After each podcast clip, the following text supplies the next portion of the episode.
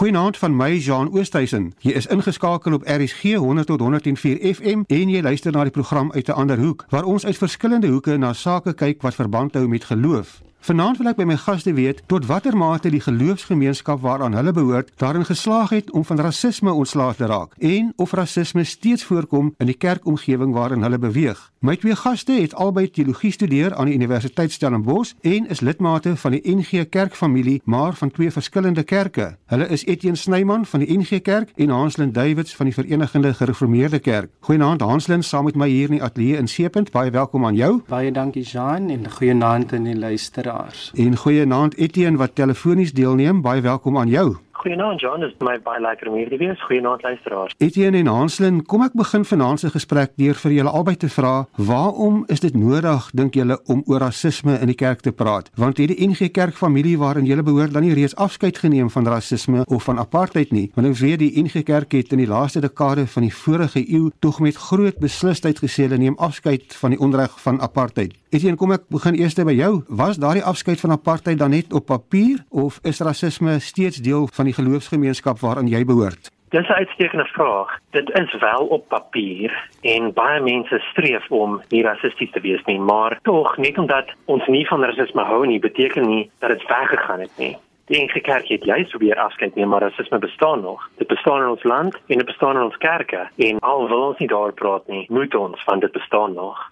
Hanslin, die kerk sê hy het afstand gedoen van apartheid, maar beteken dit daar is ook afstand gedoen van rasisme en is rasisme nog steeds in die kerkgemeenskap teenwoordig? Jean, wanneer Suid-Afrikaners deur die geloofsgemeenskapsdeure stap, dan raak hulle nie minder Suid-Afrikaners nie. Hulle is nog steeds Suid-Afrikaners met in die konteks van ons land. En ek dink Nico Koopman aan die Universiteit van Stellenbosch wanneer hy oor rasisme praat en sê dit mense moet eintlik drievoudig daarna kyk in die eerste sins ons vooroordeele wat deur ons bewussyn en onderbewussyn aangewoeker word, in die tweede sin struktureel en in die derde sin godsdienstig. In die geheel het die NG Kerk in hierdie sin apartheid terme van godsdienstig op, op grond van die Bybel en hulle daarvan al weggestap, maar in terme van strukturele rasisme en vooroordeele in ons bewussyn en onderbewussyn dat nog steeds daar is en daarom is dit nog belangrik om daaroor te gesels binne ons geloofgemeenskappe. As die kerk dan dekades gelede met groot beslisheid afskeid geneem het van apartheid en dan hopelik ook rasisme of so sê, waarom is daar vandag nog verskillende kerke in die NG Kerkfamilie wat eintlik maar op niks anders as ras gebaseer is nie,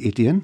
Dit is 'n uitstekende vraag waarop ek dink ek nie 'n antwoord het nie. Dit kom dan vir my voor asof rasisme nêrens heen gegaan het nie. Hanslin, wat sê jy? Daar is nou al in 86 het die NG Kerk se lidmaatskap oopgestel en daar is al toe al begin gesels oor hereniging, maar ons is nou in die jaar 2020 en daar is nog steeds verskillende eintlik maar rasgebaseerde kerke in die NG Kerkfamilie. Ja, definitief. As jy gaan kyk in terme van die VGK ook, daar's Afrikaanse gemeentes, daar is Xhosa sprekende gemeentes. As mens net kyk hier in die Wes-Kaap en so ook onder meer wanneer jy na die ander streeksenodes van die VGK gaan kyk, dan is gemeentes nog geskei op grond van taal en van kultuur. So strukturele rasisme het ons eintlik nog nie aangespreek nie. Ons het al baie van ons vooroordeele gepraat al. Ons het van godsdienstige rasisme gepraat, maar van die strukturele diskriminasie integrasie as mense dit so kan noem en van die strukturele skeiding het ons nog niks genoem nie. En ek dink soos wat ons geskiedenis aangaan en wanneer ons verskillende milieue begin binnetrek, begin ons ook bewus te raak dat ons godsdienstige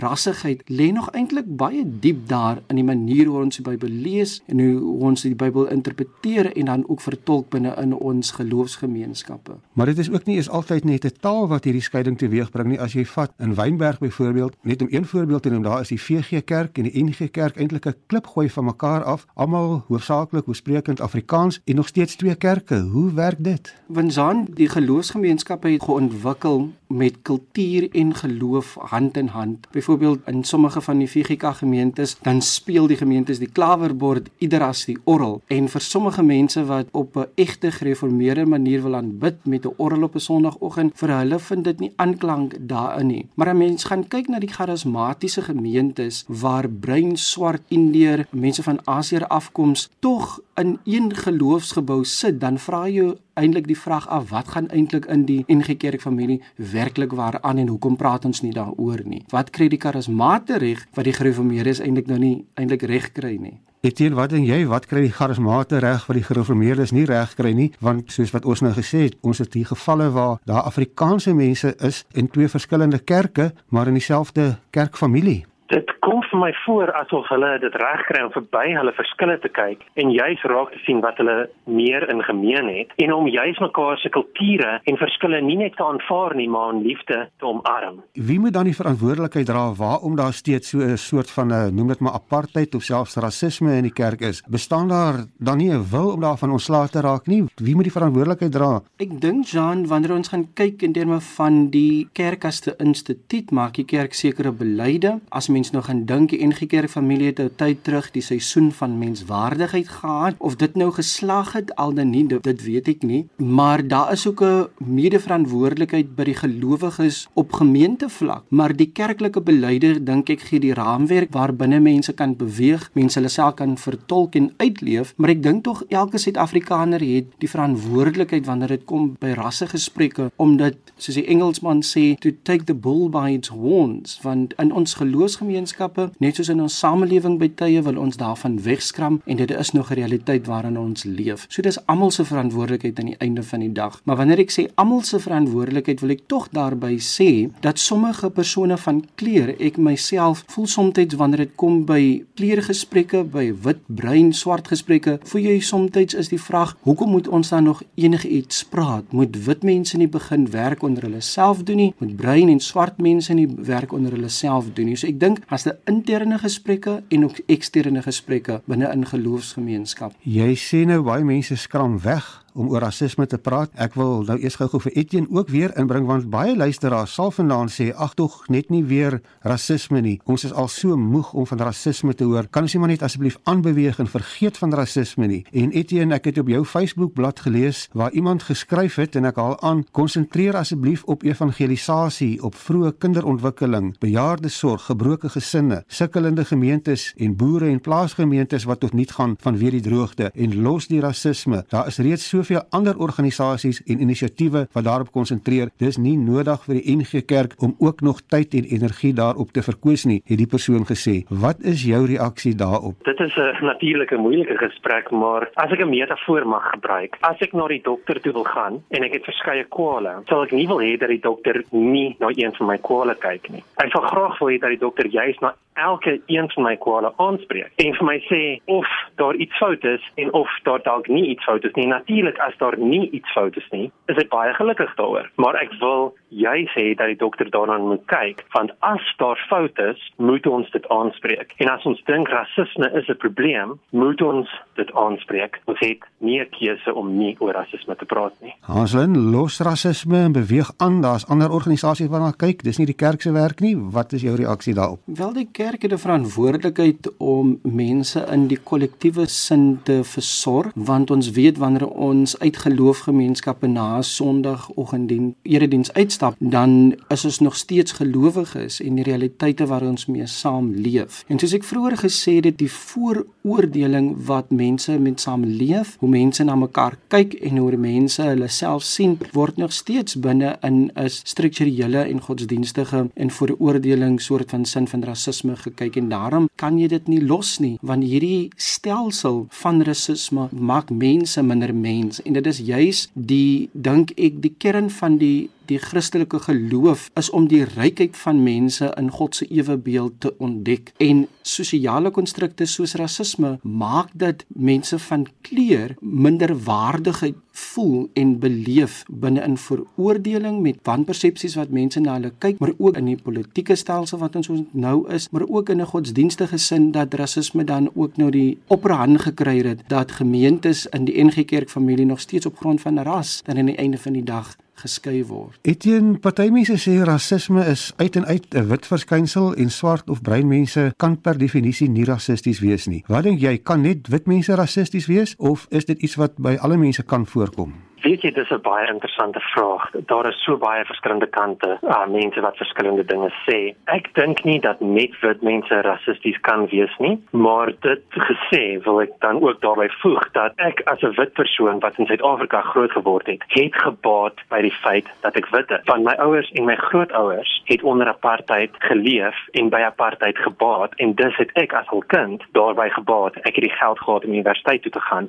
as gevolg daarvan. So kan enige persoon rassisties wees? Ja, natuurlik. Wie het die meeste by rasisme gebaat? Ek as wit persoon het by rasisme gebaat en ek moet dit erken en ek moet iets daaromtrent doen. Hansel Nelson Mandela het gesê niemand word gebore met haat verander as gevolg van hulle veldkleur of agtergrond nie. Mense leer om te haat het hy gesê en as hulle kan leer om te haat, dan kan hulle ook leer om lief te hê, want liefde is meer natuurlik vir die menslike natuur as haat. Stem jy saam met hom en wat dink jy, het mense dan so geleer om mekaar te haat en hoe leer 'n mens dit af? Jean, ek stem definitief saam met daai stelling en ek stem definitief wat Etienne sê saam dat nie net wit mense rassisties kan wees nie, maar ook persone van kleur. Spesifiek wanneer jy rassisties is, dan is dit vooroordelings um, in in daardie sin, maar ook vooroordeling met mag gekoppel. Wanneer jy ekonomiese politieke mag het, dan kan jy diskrimineer. By dit gesê, ek, ek stem heeltemal saam met wat Mandela sê by ons organisasie Inclusive and Affirming Ministries, waar ons juis divers diversiteitswerk doen op grond van seksualiteit en gender, maar rasisme kom ook baie kere na vore as 'n sosiale konstruk. Wanneer mense werklik waar haat afleer en na liefde toe beweeg, is wanneer mense mekaar se stories vertel en wanneer ons ons belewennisse van as mense van kleur, maar ook wit mense in hierdie land met mekaar kan omarm en mekaar se stories aanvaar en met mekaar kan saamdreis. Met ander woorde, dialoog en waardes en beginsels en redes staan sentraal om na 'n samelewing te te beweeg van liefde en van menswaardigheid. As jy pas die radio aangeskakel het, jy luister na die program uit 'n ander hoek en ons gesels vanaand oor rasisme en veral in die kerklike omgewing. Etienne is 'n lidmaat van die NG Kerk en Hanslin is 'n lidmaat van die VG Kerk. Ek wil graag hê ons moet in die deel van die gesprek so 'n bietjie meer prakties raak en vra waarom bestaan daar dan nog rasisme in die kerk? Want die NG Kerk het so onlangs soos Junie vanjaar 'n verklaring uitgereik waarin die kerk hom uitspreek teen die miskenning van mense se menswaardigheid en hulle sê dit sluit in rasisme,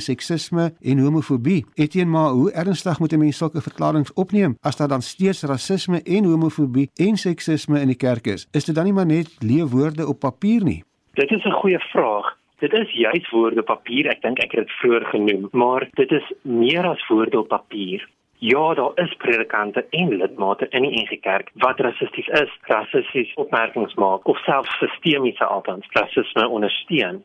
Tog is daai woorde op papier iets om na te streef en ons moet daarna streef. Ons moet juis nie daarteen probeer werk nie. Hanslin, ek wil vir jou vra, die NG Kerk erken sy aandeel aan apartheid en die skending van menswaardigheid, maar ons weet onlangs het dit te hof gekos om die NG Kerk te dwing om homoseksuele mense se menswaardigheid erken. Wat dink jy, het die kerk enige morele reg om vir ander mense te preek oor menswaardigheid? En ek praat nie net van een spesifieke kerk nie, maar van kerke in die algemeen, want jou eie kerk erken ook nie die menswaardigheid van gay lidmate ten volle nie, terwyl hulle 'n belydenis soos Bellaar ondersteun en bely eenheid, geregtigheid en versoening. Nee, definitief Jean. As 'n mens gaan kyk byvoorbeeld, daar is 'n teoretiese raamwerk interseksionaliteit wat sê wanneer jy by byvoorbeeld by 'n robot staan wanneer motors mekaar of motoriste mekaar ontmoet, net so kom pyn en diskriminasie en ongeregtigheid by die interseksie by een. So alle pyn in terme van waarmee vroue omgaan met geslagsgebaseerde geweld en ook dan kinders en dan ook dan LGBT lidmate in die kerk en dat al hierdie vorm van geweld kom dan aan die einde van die dag op diskriminasie neer. En kerklike leierskap en be kerklike besluitnemingsprosesse besef nie altyd dat hierdie forme van geweld is net verskillende koppe, verskillende gesigte van geweld, maar dit kom op die einde van die dag op dieselfde neer. En die VGK met hulle belydenis van Bella van eenheid, geregtigheid en versoening faal dan daarin om die knoop te maak om hom te sê of die verband te trek tussen al hierdie forme van diskriminasie dat rasgebaseerde diskriminasie dat geslagsgebaseerde diskriminasie maar ook seksualiteit en genderdiskriminasie dan dieselfde ding is. Dit is verskillende forme van geweld. So die kerk faal daarin om hierdie interseksionaliteit van die verskillende forme van geweld te sien. So ek dink die VGK faal hulle self om nie hulle eie belydenis dan te beliggaam nie Ek miskien vir albei vir julle vra as mens kyk na die handves van menseregte, dan word alle forme van diskriminasie verbied, het sy dit seksuele oriëntasie, geslag en alles, maar dit lyk amper vir my asof die kerke nog nie daar is waar ons grondwet is nie, Etienne. Ja, dit kom vir my ook so voor. Dit is beslis nie reg nie. En as ons die vraag vra, het die kerk enige morele reg om vir mense te preek oor menswaardigheid? Sal ek sê ja en nee. Nee, want alle mense en dus alle kerke maak foute, maar terselfdertyd is dit die kerk se verantwoordelikheid om te streef na beter, om beter te doen. So dit is juist die kerk se werk om op te staan en te sê ons is vir menswaardigheid. Want ons as geloofsgemeenskappe glo dat God ons liefhet en dis ons mekaar moet lief hê ongeag hoe ons lyk of optree. Hansen, wat dink jy daaraan dat howe soms gevra moet word om vir die kerk amper wil ek sê op die regte pad of die regte koers te bring? Party mense sal seker sê dis die verkeerde koers, maar wat dink jy van die hele ding van hofsaake wanneer mense oor hierdie tipe van diskriminasies praat? Jean, ek dink jy ons kan ons brood in die beide kante gebotter hê nie. As ons wil leef in 'n demokratiese samelewing met die handves van menseregte, dan moet ons mense se regte respekteer. Ons kan nie die vryhede geniet sonder die verantwoordelikhede ook nie om in Suid-Afrika te leef met ons konstitusie, met ons handves van menseregte, vra dit ons die reg moet beliggaam, maar ook verantwoordbaar wees. En in die onlangse saak wat die 11 lidmagte gewen het teen die NG Kerk, dink ek dat die hof dan die kerk verantwoordbaar gehou het om dan op die tegniese wyse waar die kerk verkeerd gehandel het om dit reg te maak. Want soms kan die kerk nie die regter en ook die skeieregter wees nie. Die veld moet gelyk gebring word en in daardie sin kon die 11 lidmaat nie meer gehoor word nie in kerklike prosesse was dan uitgepraat en uitgedien en dan moet jy gaan na die burgerlike hof Etienne in die verklaring van die NG Kerk waarna ek vroeër verwys het, erken hulle hulle aandeel rondom rasisme of apartheid dan en albei, maar hulle sê hulle verwerp dit vir meer as 30 jaar al enige leerstelling oor rasse meerderwaardigheid en hulle sê hulle ag dit 'n prioriteit om dit te bestry. Maar wat is jou ervaring in die praktyk? Dink jy dit is 'n prioriteit vir die kerk om dit te bestry of is dit maar net so 'n bysaak? Weet jy, uh, dit is 'n moeilike vraag om te beantwoord. Dit moet 'n prioriteit wees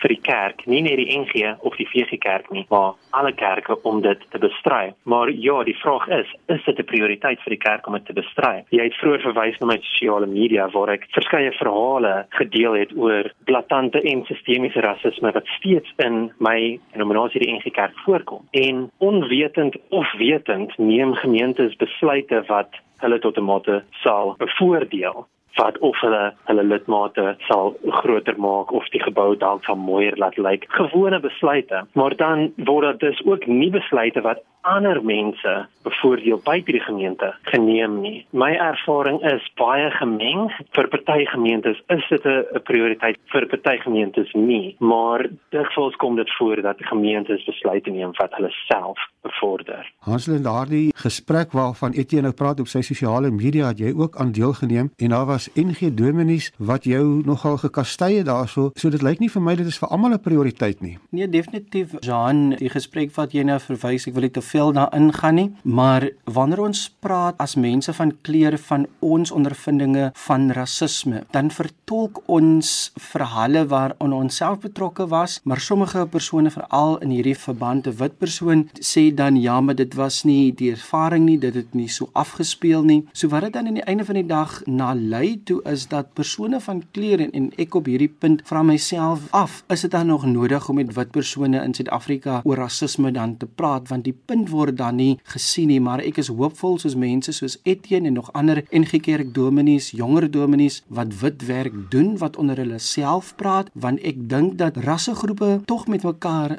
moet praat want daar is beelde en goed wat in die rassekultuur is wat net beter vertolk word binne huis as 'n mens dan nou so kan sê. Dat ek as 'n persoon van kleur het ook dan 'n komede verantwoordelikheid om die gesprek voort te sit maar daar's ook by tye wat ek sê ook en nou met ons disengage want die gesprek is nie meer gelyk nie en daar is subtiele vorm van rasisme en ook van mag binne in die gesprekke. En ek dink 'n mens moet volwasse wees en om te sê ja, ek is 'n rasis. Nee, ek is nie 'n rasis nie. Dit is die pad waarlangs ek geloop het, maar ek is daarvan bewus dat ek in 'n land leef wat my dalk so kan beskou en dan moet ons met mekaar praat. Kom ek vra vir albei van julle, die moderator van die NG Kerk het in 2016 al gesê die NG Kerk is so ernstig oor menswaardigheid dat hulle saam met die familiekerke 'n seisoen van menswaardigheid bedink het. En Hans in die VGK waarvan jy 'n lidmaat is, is deel van daardie familiekerke. Nou wil ek vir albei van julle vra, miskien eers jy Etienne en dan Hanslin, wat het dan geword van die seisoen van menswaardigheid? Weet jy Jan om eerlik te wees, ek weet nie wat daarvan geword het nie. Ek was in 'n gemeente waar die predikant juis daardie preekreeks seisoen van menswaardigheid gepreek het. En kort nadat daai reeks verby was, het die predikant begin dinge sê oor hoe kinders nie welkom is nie en oor mense wat in selfde geslagsverhoudings nie welkom is nie. So dit kom vir my voor asof daar baie gepraat is, maar min geluister is. Hansel, die seisoen van menswaardigheid moet hy nog aanbreek of is self verby en watter seisoen is ons? Ek dink om die probleem is dalk dat ons dit juis 'n seisoen van menswaardigheid genoem het en en die klem van seisoen. En ek dink dit is ons uitdaging in die kerk. Ons dink alles gaan reggemaak word deur 'n preekreeks. Dit is een komponent, maar dit is nie die hele pakket nie. Om werklike transformasiewerk te doen vat tyd, dit vat geld, dit vat hulpbronne, dit vat emosionele en sielkundige en selfs geestelike inspanning. Om 'n preekreeks net te skryf en nie lidmate en predikante toe te rus met die nodige fasiliteeringsprosesse nie, gaan ons nooit werklik waar by beliggaamde transformasie uitbring nie, want ons sukkel met voorvooroordeling, ons sukkel met strukturele rasisme wat nie weggepreek en weggebid kan word nie. 'n Mens hoop dat jonger mense van julle geslag en jonger miskien groter begrip sou hê vir rasisme want hulle leef in 'n baie meer geïntegreerde samelewing as die ouer geslag, maar soms lyk dit vir my asof die polarisasie daarso ook net groter word en dat dit nie net die wit ooms is wat skuldig is nie, Etienne. My ervaring is redelik gemeng as dit daarby kom. Meeste van my vriende as gevolg van die werk waarin ek as 'n predikante en uh, meeste van die, my vriende my ouderdom en jonger is baie aktief gekant teen rasisme en enige vorm van diskriminasie en ongeregtigheid. En terwyl ek dan by 'n uh, groter kerklike liggaamvergadering is waar baie predikante van verskeie gemeentes is en dan sal ek hoor hoe die ouer predikante meer geneig kan wees om rassistiese stellings of pratery toe te laat. Maar hierdie is uitsluitlik my ervaring En daarbey gepaard sien ek dat my vriende van skool wat nie predikante is nie, blatant blaatante rassistiese dinge op sosiale media plaas. So my ervaring is verskriklik gemeng en ek het nie getalle om te sê een kant of die ander kant toe nie. Hansen, wat is jou ervaring en veral ook toe jy 'n student was in die fakulteit teologie tussen 'n klomp jong mense, het jy daar ook rasisme ervaar? Ja, ek um, en Etienne se vrou, ons was 6 jaar in een klas en daar was definitief rasisme binne in die klas en binne in die teologiese fakulteit fakulteit as sulks. En dit het baie kere voorgekom op vooroordeling met onderbewuste en ook strukturele rasisme binne in die klasgroep of in die jaargroep want soos Etienne vroeër gesê het wanneer jy van 'n stelsel baat gevind het en wanneer jy nog steeds white privilege het aan die einde van die dag swem jy en ek kan dit net in Engels sê you swimming in pervasive water. Jy weet nie dat jy dit doen nie maar wanneer mense dit vir jou uitwys baie kere wit persone as jy dit vir hulle uitwys dan sal die onmiddellike reaksie wees nee ek is nie 'n rasis nie ek het nie so groot geword nie. Maar wanneer 'n persoon van kleur dit vir jou sê dan moet jy stil staan, stil sit en op reis gaan met die persoon wat het hulle in jou karakter gesien en in jou optrede gesien waarvan jy nie bewus is nie. Want ons almal leef met stereotipering, ons het met daarmee groot geword en met vooroordeling. En in die fakulteit teologie vir die 6 jaar wat ek daar gestudeer het, het ek dit definitief aan my vel en in my liggaam geervaar. Ons moet afsluit Etienne net in een kort sinnetjie van jou as jy moet raad gee aan jou luisteraars en aan oud en jonk, hoe moet ons hierdie probleem aanpak en hoe raak ons ontslaaf van rasisme in die samelewing? Ek dink nie daar is 'n een eenvoudige of maklike antwoord hierop nie, maar ek weet dat as ons ophou praat, as ons ophou werk, sal ons toelaat dat rasisme aanhou leef. Baie dankie. Ons tyd is ongelukkig verstreke en hier moet ons groet. Baie dankie aan my gaste, Etienne Snyman en Hanslin Davids, twee van die jonger geslag teoloë vir julle bydrae in vanaand se gesprek en wat ook 'n baie belangrike gesprek in die groter Suid-Afrika is. As jy wil kommentaar lewer, kan jy vir ons 'n SMS stuur na 45889. Dit kos jou R1.50 vir elke SMS of jy kan ook vir my 'n e-pos stuur na jean.oosthuizen@gmail.com. Jy kan ook saamgesels op ons Facebookblad uit 'n ander hoek. Baie dankie dat jy saam met ons gekuier het. Totsiens van my, Jean Oosthuizen. Tot volgende week, dieselfde tyd, weer net hier op RSG. Goeienaand.